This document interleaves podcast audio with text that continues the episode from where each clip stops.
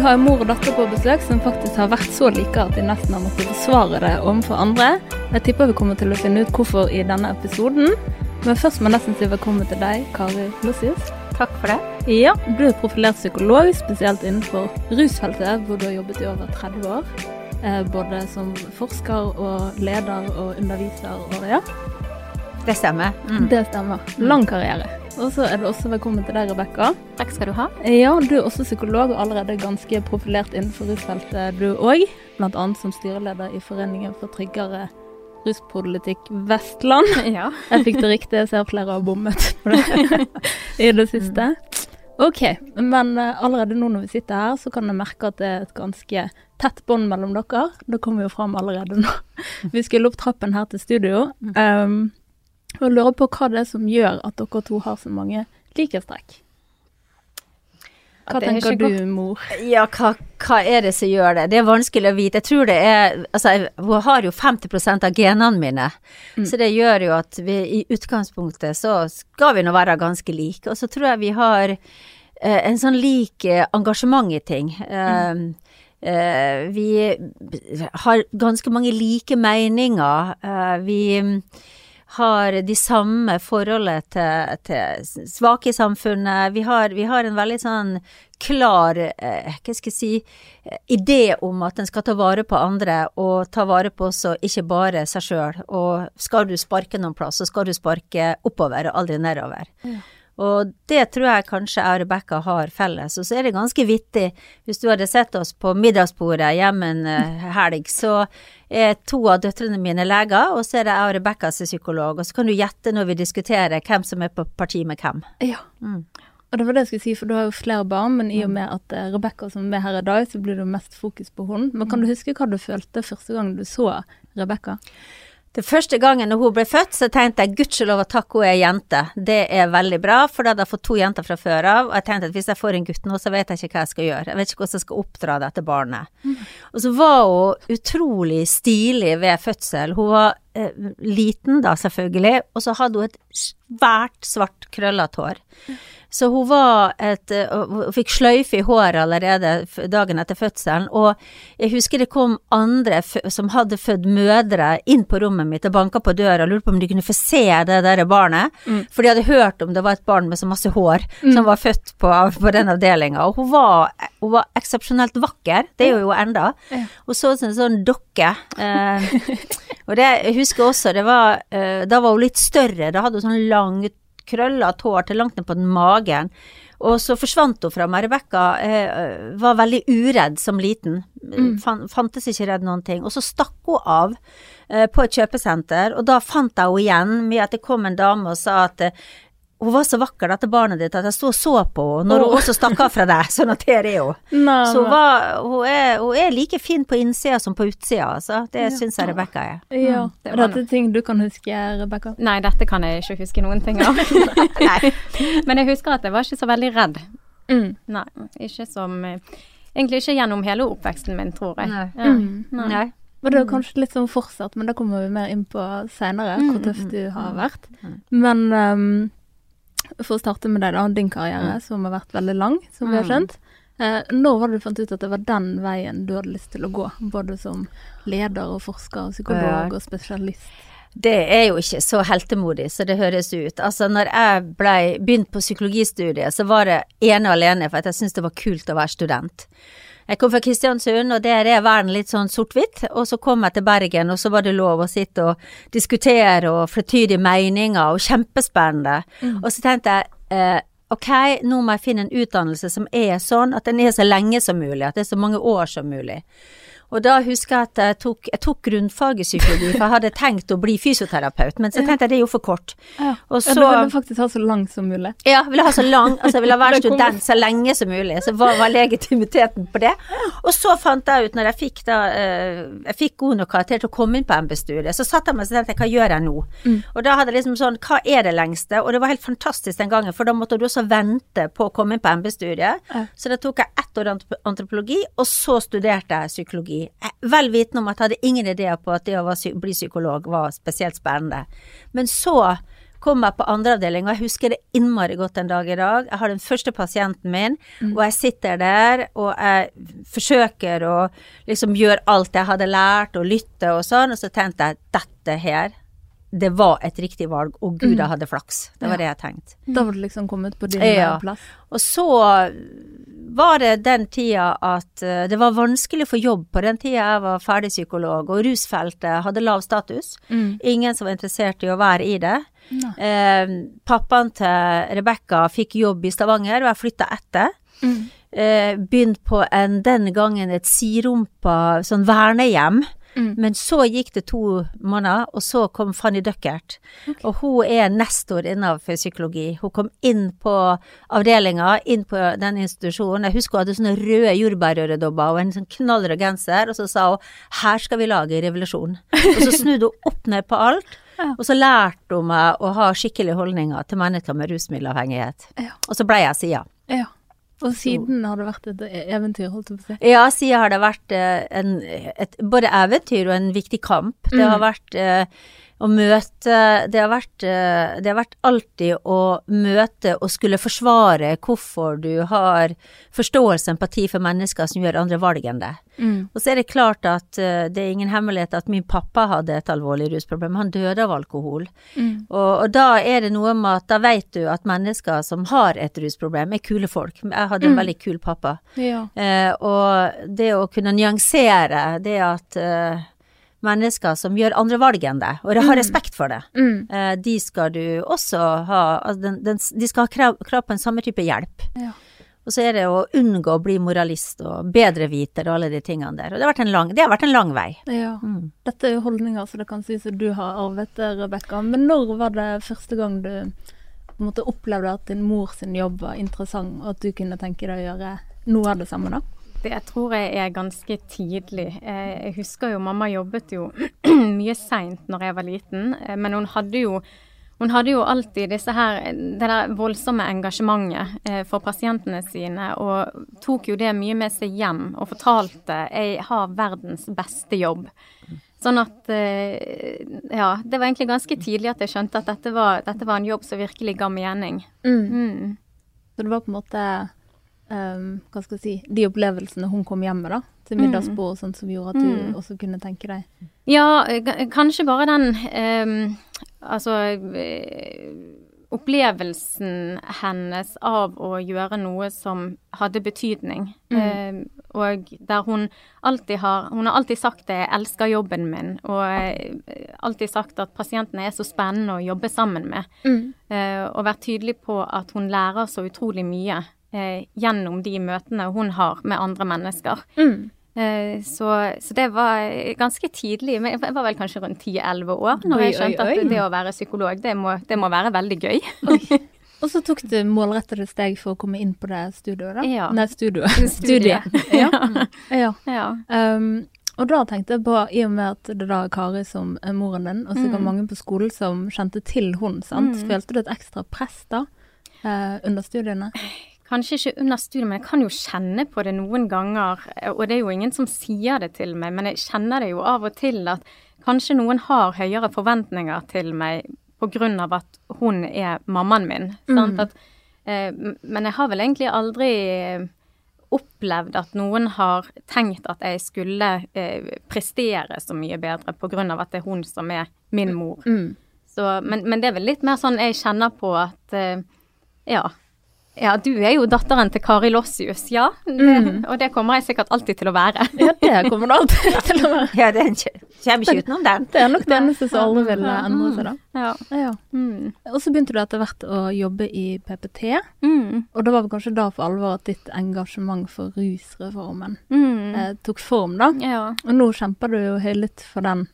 ja. Eh, når var det liksom det engasjementet virkelig Altså, ja, engasjementet for rus det, det hand, For meg så handlet det veldig mye om når jeg altså, jobbet i spesifikke saker med ungdom som ruset seg, Mm. og um, det å se hvordan de blir møtt eh, både av skolen og av politi og av helsesykepleiere, Mm. eh, og der man veldig raskt sant, Det er der du kanskje merker de fordommene. Mot eh, mennesker som bruker ulovlige rusmidler. Mm. At med en gang eh, man gjør det fordi at det er ulovlig, så blir man nesten sett på som farlig og kriminell. Mm. Eh, så jeg har sittet i mange møter der jeg har eh, forsvart at elever skal få lov til å fortsette å gå på sin, eh, sin nærskole, eh, til tross for at de ruser seg på ulovlige rusmidler. Mm. Eh, så det er kanskje noe av det som jeg har kjent på at eh, man er veldig rask med å eh, støte de ut Mm. fra samfunnet, og støte de ut fra altså akkurat de arenaene der det skulle vært trygt og godt for de å være, og som Mm. kanskje også er med på å forverre de problemene som de har. Mm. Ja, og som bidrar til at de ruser seg, sant. Mm. Kari, ble du stolt når Rebekka valgte å fronte en så viktig sak? Ja, jeg syns jo det var utrolig ok. Um, og hun er jo kjempemodig. Uh, det, er, det er ganske krevende å være rett i en debatt i NRK med alle øynene på deg og velge å ha et kontroversielt standpunkt. Mm. Uh, og gjør det sånn som du, du gjorde det da. Da var jeg jo så stolt at jeg visste ikke mye armer, og Ja. jeg syns det var så kjempekult. Jeg var livredd. Ja, jeg satt sammen med kjæresten og tok ett glass vin og ett glass vin til, og så sier, så sier kjæresten min hun er jo helt fantastisk, dette Ja. er jo bare strålende.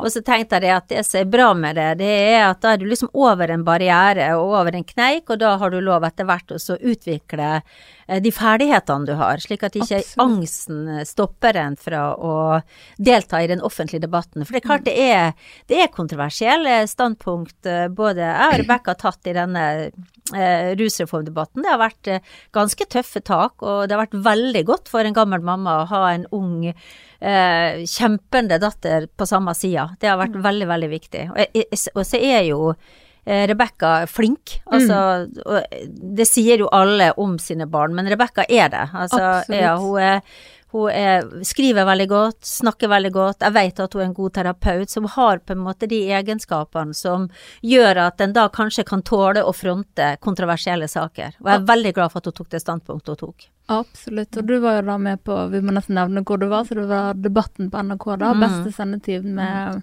Det var ledet av Fredrik Solvang. Mm. Men det var ikke noe mild TV-debut du fikk. Nei, det var dødsskummelt. Jeg var jo livredd. Og eh, nei, jeg Ja, tror jeg hadde, jeg hadde angst i et døgn. For de ringte meg dagen før og spurte om jeg ville være med. Og så tenkte jeg hvorfor, hvorfor ringer dere til meg? Det er så mange dere kan spørre. Ja. Eh, og så Ja, så jeg, jeg hadde vel sikkert eh, Ja. Jeg, jeg hadde nok sikkert angst fra den telefonsamtalen og til jeg gikk fra studio og kjente ok, greit, nå kan jeg, nå kan jeg roe ned. Ja. Det, det gikk greit. Men jeg besvimte ikke på mye, du fikk mye taletid, og du, du var jo Ja. høy, høyt, høyt, hva heter det, høyt, mm. Ja, altså, høyt frittalende. Ja, ja. og så tenker jeg når du først på en måte er i gang, så er det så mye du har lyst til å si. Sant? Så Ja. da føler du jo kanskje at nei, jeg fikk ikke så mye taletid likevel. Jeg, jeg kunne stått og snakket om det i en halvtime. Sant? Ja, klart. Men eh, ja. Men det, det var jo selvfølgelig en fantastisk opplevelse, og Mm. jeg er veldig, veldig glad for at jeg ble spurt. Ja. Mm. Og en viktig del av jobben som Mm. eh, styreleder. Ja. ja. Å fronte sånne Mm. ting på TV.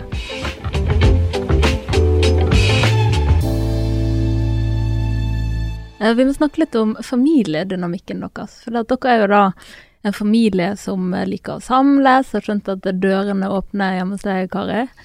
Ja, så både fest og middag og ja, jeg har jo alltid likt ungene mine, og alltid likt å være sammen med dem. mm.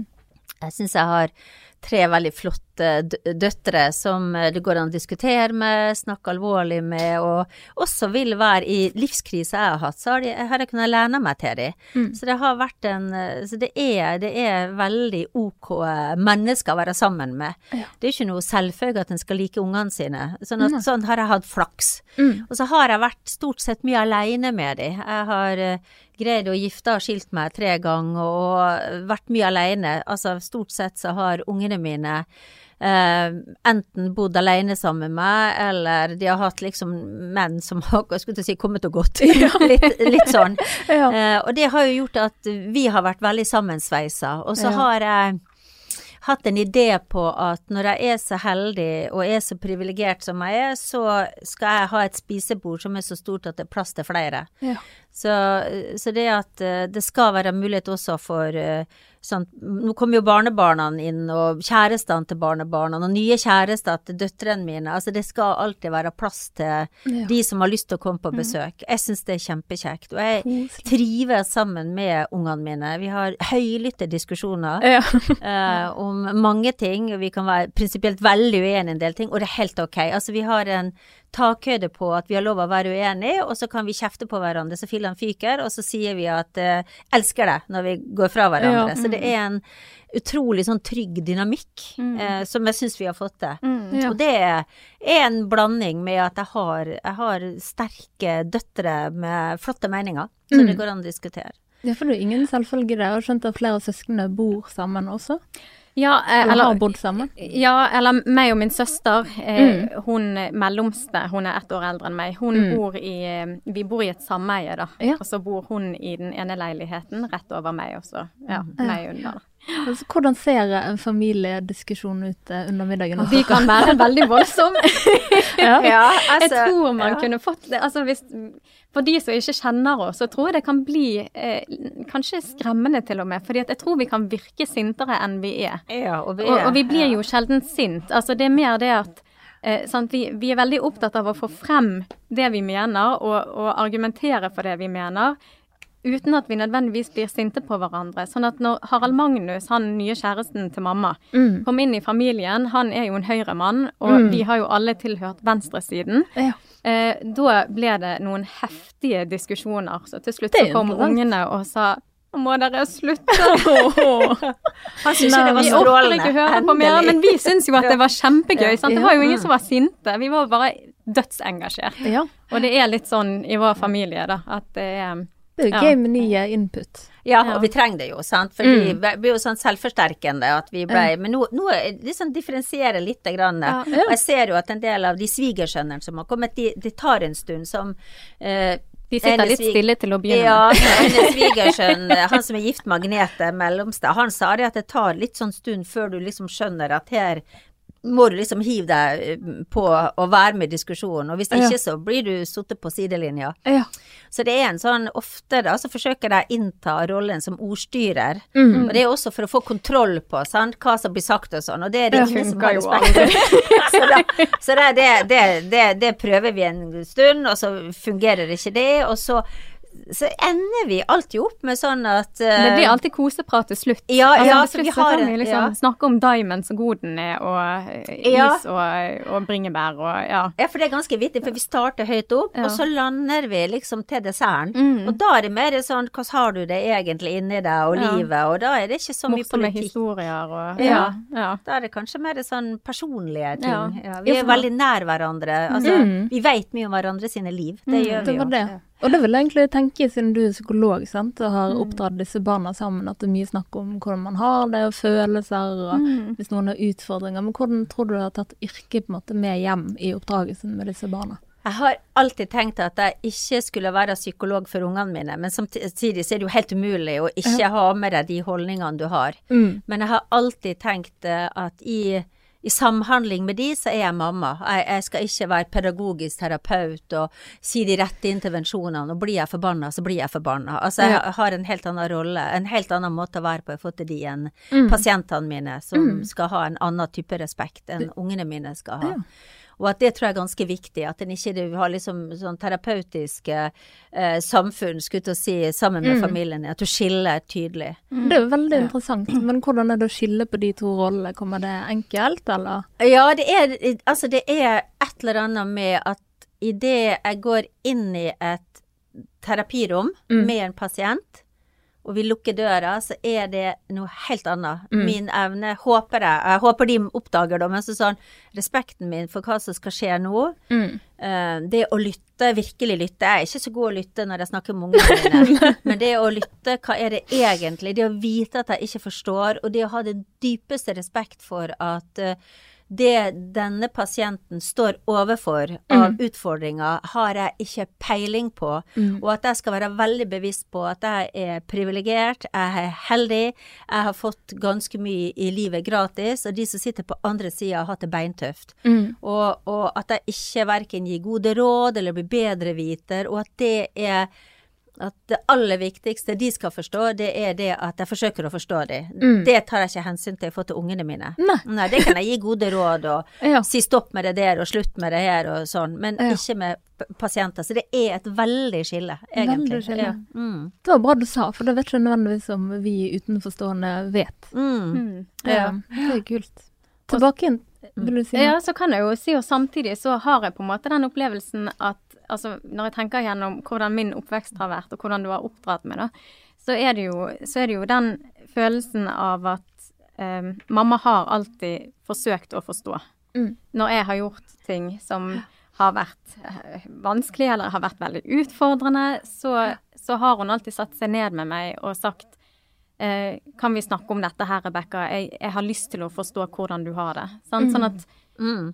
Så du har det kanskje, men, men det er vel kanskje litt av personligheten din òg, da. Å ikke være så moraliserende, og ikke være så, så veldig tydelig på hva som er riktig og galt eh, å gjøre i et liv. Sånn. Ja, kanskje. Ja, når du sier det, så slår det meg at når dere virkelig har hatt det tøft, Mm. så tror jeg at jeg har skifta, men stort sett så går det jo greit. Mm. Men, Og når jeg også har hatt det tøft, så har dere òg skifta. Så jeg, jeg tror at i kriser så tror jeg vi kanskje opptrer annerledes. Det tror jeg vi gjør. Det tror Det tror jeg. Ja. Så hadde jeg den derre pappaen min som var Han var en, han var en anarkist, altså. Han var Han jobba i bank og hadde fin dress og var, øh, altså var besteborgerlig og utsto ikke den situasjonen i det hele tatt. Han mm. skulle, tror jeg, jeg tror han ville vært fisker og gjort noe helt annet. Mm. Og han hadde en sånn veldig klar sånn holdning til respekt for Altså, han sa alltid når han jobba i banken at eh, de som vasker er viktigere enn de som sitter på toppen. Altså, han hadde en sånn veldig tydelig eh, sånn identifisering med at alle Han sa til meg at alle mennesker er like viktige, Mm. og jo mer makt du får, jo mer skal du forstå det som, de som er under deg. Mm. Så han, han var veldig, veldig tydelig på det. Og den derre greiene der tror jeg har lært mye av far min, altså. Mm. Og, Det virker som det har gått uh, i arv. Ja, det har det kanskje. ja, ja. Men det er mange ting som har gjort det. Det er jo som vi sa innledningsvis, at det er mye likheter med dere to. Mm. Um, og dere har valgt å jobbe med mye av det samme, og ser ut som dere har mye av de samme holdningene og verdiene og, og så videre. Men hva er det dere tror på en måte er selve grunnen til at det er så mye likheter nå? I dag. Jeg vet ikke. Jeg, jeg tror kanskje Det er noen ting som, eh, som jeg tror at eh, likt eh, Og så vet jeg jo ikke hva som er, er, er, grunnen for det, årsaken til det, men jeg tror vi er, litt, vi er lite moraliserende begge to. Mm. Eh, så vi har ganske liberale holdninger. Og så vet jeg jo ikke helt hva som er grunnen til det. Um, og det gjør vel kanskje òg at vi ofte er veldig enige når Mm. vi har uh, i hvert fall politiske Mm. diskusjoner hjemme. Så, Mm. så er det noe med denne holdningen til at eh, Litt som hun sier, at du skal aldri eh, ta utgangspunkt i at du vet og forstår hvordan det er å leve et annet menneske sitt liv. Um, og når man ikke vet og forstår, så skal man heller ikke eh, være, stille seg sjøl som en sånn eh, dømmende person overfor andre. Mm. Sånn At, eh, at det er viktig å liksom sette seg inn i, eller forsøke å forstå, hva er det som gjør at man tar de valgene som man tar i livet, og, og der er vi forskjellige på bakgrunn av hvor vi kommer fra, hva vi har vokst opp med, hvilke forutsetninger Mm. vi har, hva vi er født med, eh, hvordan familien vår har vært. Og, ja.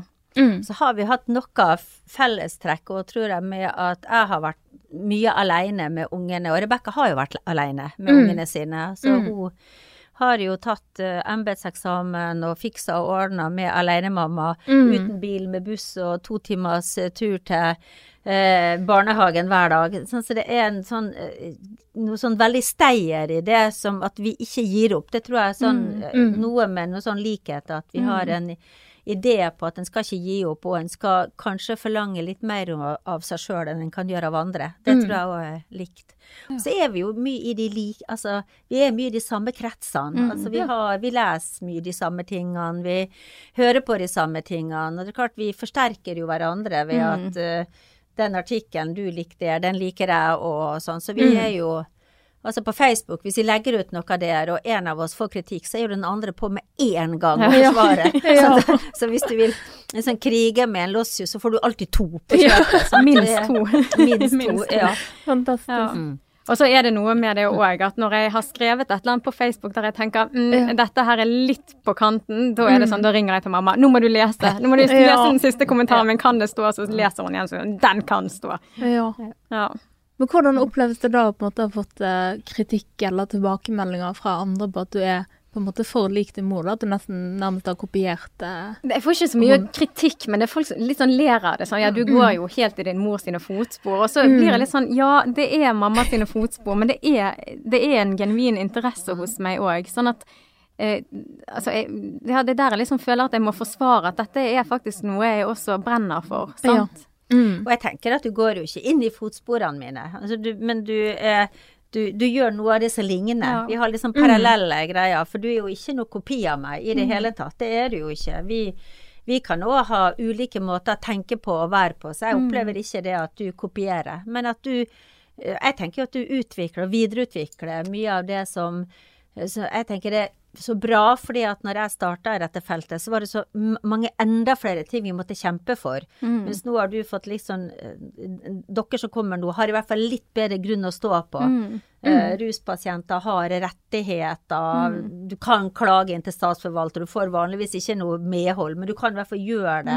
Du vet noe om hva som er god og dårlig behandling. Mm. Mens den gangen jeg starta i dette feltet, så var det jo omtrent eh, beinhard jobb og salmesang, og at egentlig så var det vond vilje alt. Mm. Så, det, så jeg tror du har et helt annet startgrunnlag for din karriere enn hva som var min, da. Mm. Og jeg opplever jo ikke at Rebekka er en kopi av meg. Jeg opplever Nei. at det er veldig sånn utfyllende, og at det er klokt å snakke med henne. Mm. Sånn at jeg kan sånn få skjerpa tankene mine. Hva tenker du om det, og hvordan ser dette ut, og sånn. Og så kan jeg bli klokere av å snakke med henne. Så det, det er urettferdig å si at hun er en kopi, for det er hun ikke. Ja.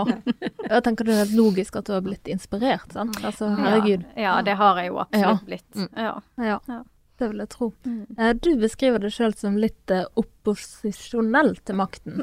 Hvor, hvor tror du det kommer, Rebekka? Nei, det Hvor kommer det av? Nei, jeg vet ikke. Jeg vet ikke. Det kan hende at det kommer litt fra hun òg. Ja. Eh, men, men det er jo noe med ja, hvor vi er vokst opp. Altså vi, vi vokste jo på Fana, veldig fint strøk. Um, der var på en måte Normen var av firefamilien, og mm. mamma og pappa eh, og eh, to barn. Um, et veldig hvitt nabolag, for å si det på den måten. ja. Eh, sånn at, og, og et veldig sånn konformt samfunn, egentlig. Så skilte du deg litt ut, så var det sant, På ungdomsskolen min der var det ganske mange barn som ble mobbet fordi at de av ulike grunner var litt annerledes, eller kom fra andre familier, eller hadde ikke like mye penger. Så det skulle lite til før du ble på en måte eh, litt sånn utstøtt fra det gode selskap. Og, eh, og det kjente jeg var noe som eh, som eh, provoserte meg, da. Eh, Og den der konformiteten som jeg aldri har egentlig hatt lyst til å Jeg har aldri hatt lyst til å tilpasse meg det. Mm. Um, så er det vel kanskje òg noe med sant, den her litt sånn opposisjonelle delen av meg. Aldri likt å bli fortalt hva jeg skal gjøre. Nei.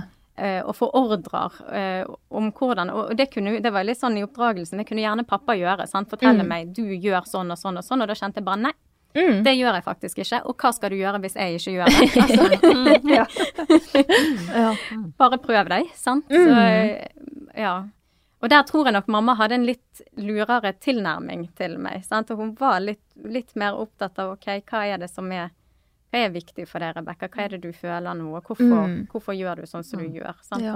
Ja. Du ble oppmuntret til å være det sjøl, da. Mm. Mm. Ja. Og det var jo spesielt Du eh, snakker om konformiteten. Jeg husker jo veldig godt sjøl det der med at vi var annerledes. Vi var på en måte annerledes der. Vi kom innflytta inn på Fanahammer, og det jeg husker aller best, det var disse 17. mai-ene som jeg aldri har likt. Mm. Og, og på Fana var de enda verre, syns jeg, enn alle andre. Og jeg, jeg kjøpte til og med bunad i håp om at det Ja. kanskje skulle få meg til å passe inn der. Og jeg, jeg, jeg var helt Altså, jeg følte meg helt lost Ja. i de der eh, togene vi for rundt i Fanabygda.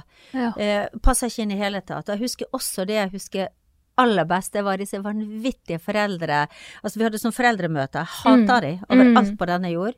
Ja. For da kom Da var alltid pappaen til Rebekka Han var alltid ute og reiste, jeg gikk alene. Ja. Jeg hadde jobba masse, så jeg husker jeg kjøpte alltid en sånn liten ekkel fyrstekake, for du Ja. måtte ha med noe, Ja. sant. Og så kom de, de her fanafolkene. ja. Eh, Med hjemmebakst leiende hånd i hånd med sånne plastikkbokser med sånn lokk en på. Ja, ja, og så tok de av da det lokket, og så var det sånne boller med sånn melistrø på og Ja, sånn, og så satt jeg fyrstekaka mi der. Jeg hater det. Og jeg husker det var sånn, Mm. sånn jo raskere jeg kommer meg ut av det, jo bedre er det. Mm. Og jeg husker det var sånn de der snusfornuftige på første benk da jeg tenkte nå er det over, nå kan jeg gå hjem. Så var det sånn hei, vi lurer på den eh, pedagogikken i matematikken, kan du si litt mer om det? Og jeg tenkte nei. jeg vil hjem. jeg, jeg vil hjem. Så når Rebekka var ferdig med ungdomsskolen, Mm. og jeg tenkte at det er siste gangen jeg skal på sånn foreldremøte, og jeg tenkte lykke, lykke, Feiret heldigvis. med champagne. Ja, så jeg tror det må passe inn. Altså, vi har jo flytta litt, sant, om det Mm. er noe av det som gjør For jeg ville gjerne passe inn, det passer ikke inn. Nei. Men tror du det er noe dere har tatt med i yrket, denne følelsen av å ikke passe inn? Fra, sett fra brukerperspektiv, eller Ja, jeg, som forståelse, på en måte? Jeg tror i hvert fall, eh, sant, altså i hvert fall når jeg jobbet i PPT, så tror jeg kanskje tenkte litt på det. Altså at du kan kjenne litt igjen den, eller du kan i hvert fall sitte og mistenke, er det den, er det den følelsen eh, denne her eh, 13 år gamle jenten sitter og kjenner på, sant? Er det den samme følelsen som jeg kjente Ja. eh, den gangen, sant? Men, Det ja. kan være skam og alle mulige vonde Mm. følelser. ja. Og så samtidig så tenker jeg at jeg har jo utrolig sansen for mennesker som har en rusmiddelavhengighet. Jeg lærer jo veldig mye av dem. Mm. Lærer mye av hvordan overleve uten plass å bo, uten penger, ja. uten noen ting. Sant? Gud, så vi finner ja. løsninger. Altså sånn, jeg har jo en, en bekjent av meg, vi har jo kjent hverandre i mange, mange år, og vi har en sånn deal at uh, hvis det blir katastrofe, så skal han ta kontakt med meg med en gang. Naturkatastrofe, you never know. Mm. Da skal han ta kontakt med meg, Mm. Og han skal redde meg. Jeg tenker han, er han vil jeg bli redda, for han kan det der. der. Ja. Han vet alle de der undergangene i Bergen, og hva som er smart og ikke smart, Ja, og få tak i mat og alt mulig sånt. Så det er sånn, nå er han klar over at han har noe med, og så har han syv barnebarn, Ja. som han da har forhandla inn. Jeg har sagt at Ja. ungene, de må bare greie seg sjøl. og, og vi har hatt en sånn, vi har sånn morsom, vi møtes og snakkes innimellom, og Ja. innimellom mot jul så bruker vi å møtes og ta en kaffe, liksom, som er livet og sånn. Og, Og da husker jeg når jeg forhandla inn det syvende barnebarnet mitt, da var han utrolig vittig. Så Mm. sa jeg det, da, nå kommer det en til, Iben, du må ta med Iben, og hun må også være med. og så så han på meg, så sa han det. Nå må du være helt ærlig, Kari. Helt ærlig. Er de like krevende som deg? For hvis de er det, da klarer jeg ikke ta hånd om det. Og dette er en av de er der ja. jeg, jeg har veldig respekt for folk som tenker annerledes enn meg. Ja. Mm. ja, det virker jo som mange eh, blir veldig kreative Ja. på løsninger. Ja, jeg vil jo mye heller bli redd av de enn av et eh, hjelpekorps som ikke har hatt en eneste kriseøvelse. Altså, her er det jo folk, ja, han har jo kriseøvelser hver dag, han er han her. Ja. Han er topptrent i Ja. å ha katastrofer rett rundt hjørnet. Mm. Så nei, så, og, og kunnskapen, det å overleve, måten å se, og ikke minst det oppvekstvilkårene folk har hatt, og allikevel overlevd. Mm. Altså Mm. alt de har Ja. fått til. Sant? Ja. Men jeg tenker også som psykologer så vet man da kanskje mer om det som foregår bak fasaden hos pasienter enn de fleste andre i deres liv, da. Så gjør det at dere går rundt og er bekymret for disse som dere kjenner ellers også? Eller klarer man å legge det vekk? Nei, jeg tenker at med mindre jeg får vite noe, så er jeg ikke så veldig bekymret. Jeg Ja. tenker ikke på det. Så bra. Det er sikkert en øvelse Ja. man får. Mm. Mm. Ja. Mm. Ja. En annen ting jeg syns var litt interessant, for det at dere har jo vært litt i media. Du har vært det lenge, og nå har jo du også begynt å Mm. Bli intervjuet og artikler og alt dette her. Og så har jeg lagt merke til at de liksom de fokuserer litt på eksempel ja, disse to liksom stemmer dette partiet og kjører den bilen, eksempel. Hva tenker dere om den fremstillingen? Ja, det var jo. Rebekka. Hun stemmer rødt. Du stemte rødt og har, eh, og har en sånn Tesla. Altså, den introen var ikke helt komfortabel ja. Ja, men jeg har sett de har gjort det for din Ja. del òg, liksom. Sånn og sånn, kjører Mercedes. Dytter du? Ja da, sant. Ja da, det er det. Nei da, altså Min nye eh, verdens beste kjæreste, han mener jo at egentlig så tenker vi vel litt annerledes enn det vi sier. Bare vent, sier han fyren som plukker det fra hverandre. Men Mm. jeg tenker det er jo mulig å kunne ha Mercedes og likevel være solidarisk. Ja, klart det. Eh, og, og når jeg meldte meg inn i SV uh, som medlem der, så var det to ting. Uh, det var likestilling, altså kvinnesynet, og så var det innvandringspolitikken. Mm. Så, det, så det, jeg kan være villig til eh, Altså i forhold til politikk så er det ikke alt jeg er enig med. Det er masse jeg ikke er enig med i, på, på venstresida, men akkurat eh, det med innvandring, eh, asylpolitikken, ta vare på Mm. andre enn hvite middelaldrende menn over 50 år, det er så viktig for meg at da er jeg villig til å betale medlemskortet mitt i, Ja. via SV. Mm. Så. Så har jeg en Mercedes, den begynner å bli gammel, og den skal jeg bytte til en Tesla når jeg får tid til det. Ja. Det var Med god samvittighet, ja. Ja. Det var egentlig det jeg ville frem til, at de to tingene trenger ikke å ha noe med hverandre å gjøre. Så det er så morsomt at det blir nevnt Ja. sammen. Ja. Ja. Um, du valgte jo etter hvert å satse på egen praksis. Mm. Og hvis jeg har skjønt det riktig, så jobber også du der nå?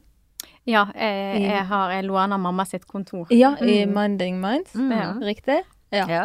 Både undervisning og holdt jeg på å si foredragsholdning og psykologpraksis i ett. Mhm. Ja. Jeg har, nå har jeg virkelig verdens beste yrke, altså. Ja. Ja, for det var det jeg lurte på når du da sluttet i din gamle jobb, som det også var en del i media om. Eh, hadde du allerede liksom stakket ut den veien du skulle Ja. videre? Ja, tenkt, det jeg hadde tenkt var at det, Men det ble to år før jeg hadde egentlig planlagt. Jeg hadde tenkt når jeg var 65, så skulle jeg gå av med pensjon, og så skulle jeg ta ut eh, eh, AFP-en min, og så skulle jeg jobbe privat. Så det var oppi hodet mitt hele veien. Okay. Og så ble det jo trabalder uten like Ja. uh, med bergensklinikkene, sånn at der, der forsvant jo alt med mann og mus og hele greia til slutt. Ja. Uh, og det da tenkte jeg ok, da, da gjør jeg det på denne måten. Jeg, jeg hadde en del jobbtilbud og takka nei til alle, og var helt klar på at fra nå av og til jeg går av med pensjon og slutter å jobbe, så skal jeg aldri mer ha en eneste idiot av en sjef over meg. Nei. Jeg skal ikke ha noen som bestemmer noe som helst over meg. Og, jeg, og det er litt sånn, det kjenner jeg når du sier 'gjør sånn og sånn'. Altså, i det noen begynner å instruere meg i hva jeg skal gjøre, så mm. slutter jeg med en gang. Ja. Sånn at eh, Og det å få lov nå å sitte og ha eh, pasienter som oppdragsgiver Jeg har ikke Jeg kvitterer ikke ut for noen andre enn meg sjøl og pasientene mine. Jeg kan si katten hva jeg vil uten at noen sier jeg er illojal mot en eh, bedrift eller noe sånt. Det er en Guds lykke. Ja. Så jeg har blitt mye mer frittalende, nå tør jeg Jeg har alltid tort å sagt hva jeg mener, men nå, nå tenker jeg at jeg har ikke engang dårlig samvittighet når jeg gjør det. Nei. Fullt fokus på ja, pasienten. ja, og, det er, og så er det sånn blanding av både å undervise og veilede og, og ha terapi, men særlig den derre komme på jobben, på, hører at det er sånn klokka åtte om morgenen, jeg hører at første pasienten sitter på venterommet, og jeg tenker for en privilegert situasjon Ja. jeg er i, altså. Oh. Tenk å få lov å få betalt for mennesker som deler kloke tanker med deg. Mm. Det eneste du blir av det, er klok. Ja. Altså, det er helt ja, det utrolig. er sånn du ser på, ja, ja, ja, ja. Fantastisk. Og så åpnet du også i Oslo. Ja. Kirkeveien.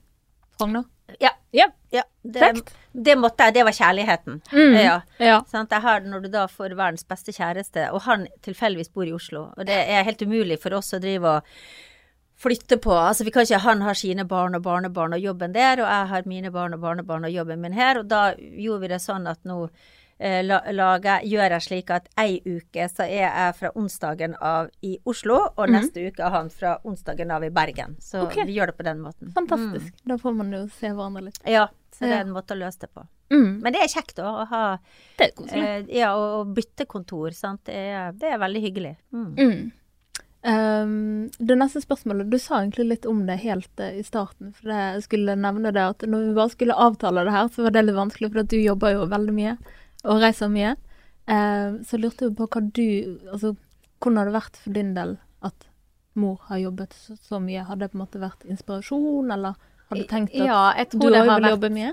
Jeg tror det har vært eh, Altså, det er jo mange som lurer på det, og, og mamma Altså, fra jeg var liten av, så hadde jo mamma flere seine kvelder. Mm. Um, og så har jeg aldri tenkt at det var noe problematisk. Mamma har alltid vært veldig kjærlig, varm og god, omsorgsfull og støttende. Sånn at når hun, når hun er der, så er hun der fullt og helt. Eh, og, og ja, jeg tror, ja, det kan godt hende at det har vært en inspirasjon. Og så tenker jeg òg litt sånn sant, jeg er jo alene med to barn. Mm. Og jeg jobber også noen sene kvelder, og så tenker jeg at ja, jeg kan tilgi meg sjøl, og det, det går nok sannsynligvis greit så Ja. lenge jeg er til stede når jeg først er til stede, sant.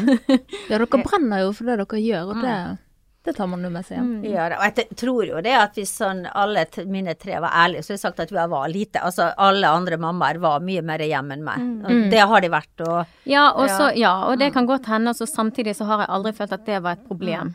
At du, altså, at du jobbet seint mandager, det var aldri et problem. Eh, Mm.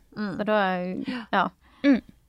Nei, så, men, eh, men jeg tenker Det er kanskje sånn- andre ting, som ryddemanien din, som kan være irriterende. Hun, Der kom den. hun er helt Hun har OCD på rot, sant. Så hvis, hun, eh, hvis, hvis noe står et sted der det ikke skal stå, så klarer ikke mamma å konsentrere seg om en samtale før hun har ryddet det bort. Mm. Det er jo rydde sin ryddeliv, holdt jeg på å si. Veldig ryddig. Veldig ryddig. Og der er vi ganske sammen. forskjellige, det det kan jeg jo bare si. Jeg har ja. ikke noe behov for, eh, for eh, ryddige og organiserte omgivelser. Det går helt fint at det ligger litt rot her og der, og kommer hun på besøk hos meg, så er det liksom frem med denne moppen med en gang. Ja, nå må vi rydde, Rebekka. Du kan ikke se, ser ut som en svinesti her. Det der har jeg. Der er veldig ulik alle mine barn. Det er det. Nei, det var ganske vittig, fordi at når jeg kom inn med den nye kjæresten jeg har nå, så var jeg, så var jeg første sommeren jeg var sammen med han, så var, hadde han sine uh, slektninger på besøk. Mm. Og det var det hans uh, svigerinne, som er like ryddig som meg. Mm. Eh, og da sa eh, svigersønnen hennes, eh, han er fra Nordmøre, han er fra Kristiansund, og så sa han det Du skjønner det, Kari, at eh, vi var veldig spent på nye kjæresten til Harald Magnus, om var hun like gale som jeg var. Vi hadde håpa på en annen dame, og så var du pinadø verre. så de sa at hold på glasset ditt, hun tar det. Hun tar det. Så jeg rydder, ja, jeg rydder. Det Ja. gjør jeg. Ja, rydder inn i oppvaskmaskinen. Hvis du setter fra glasset, så går den inn i oppvaskmaskinen. Sånn Ja. er det. Ja. Ja, men det skjønner en sånn sammenheng da, mellom at hvis det rydder rundt, så er det ryddig innvendig òg? Ja. Ja.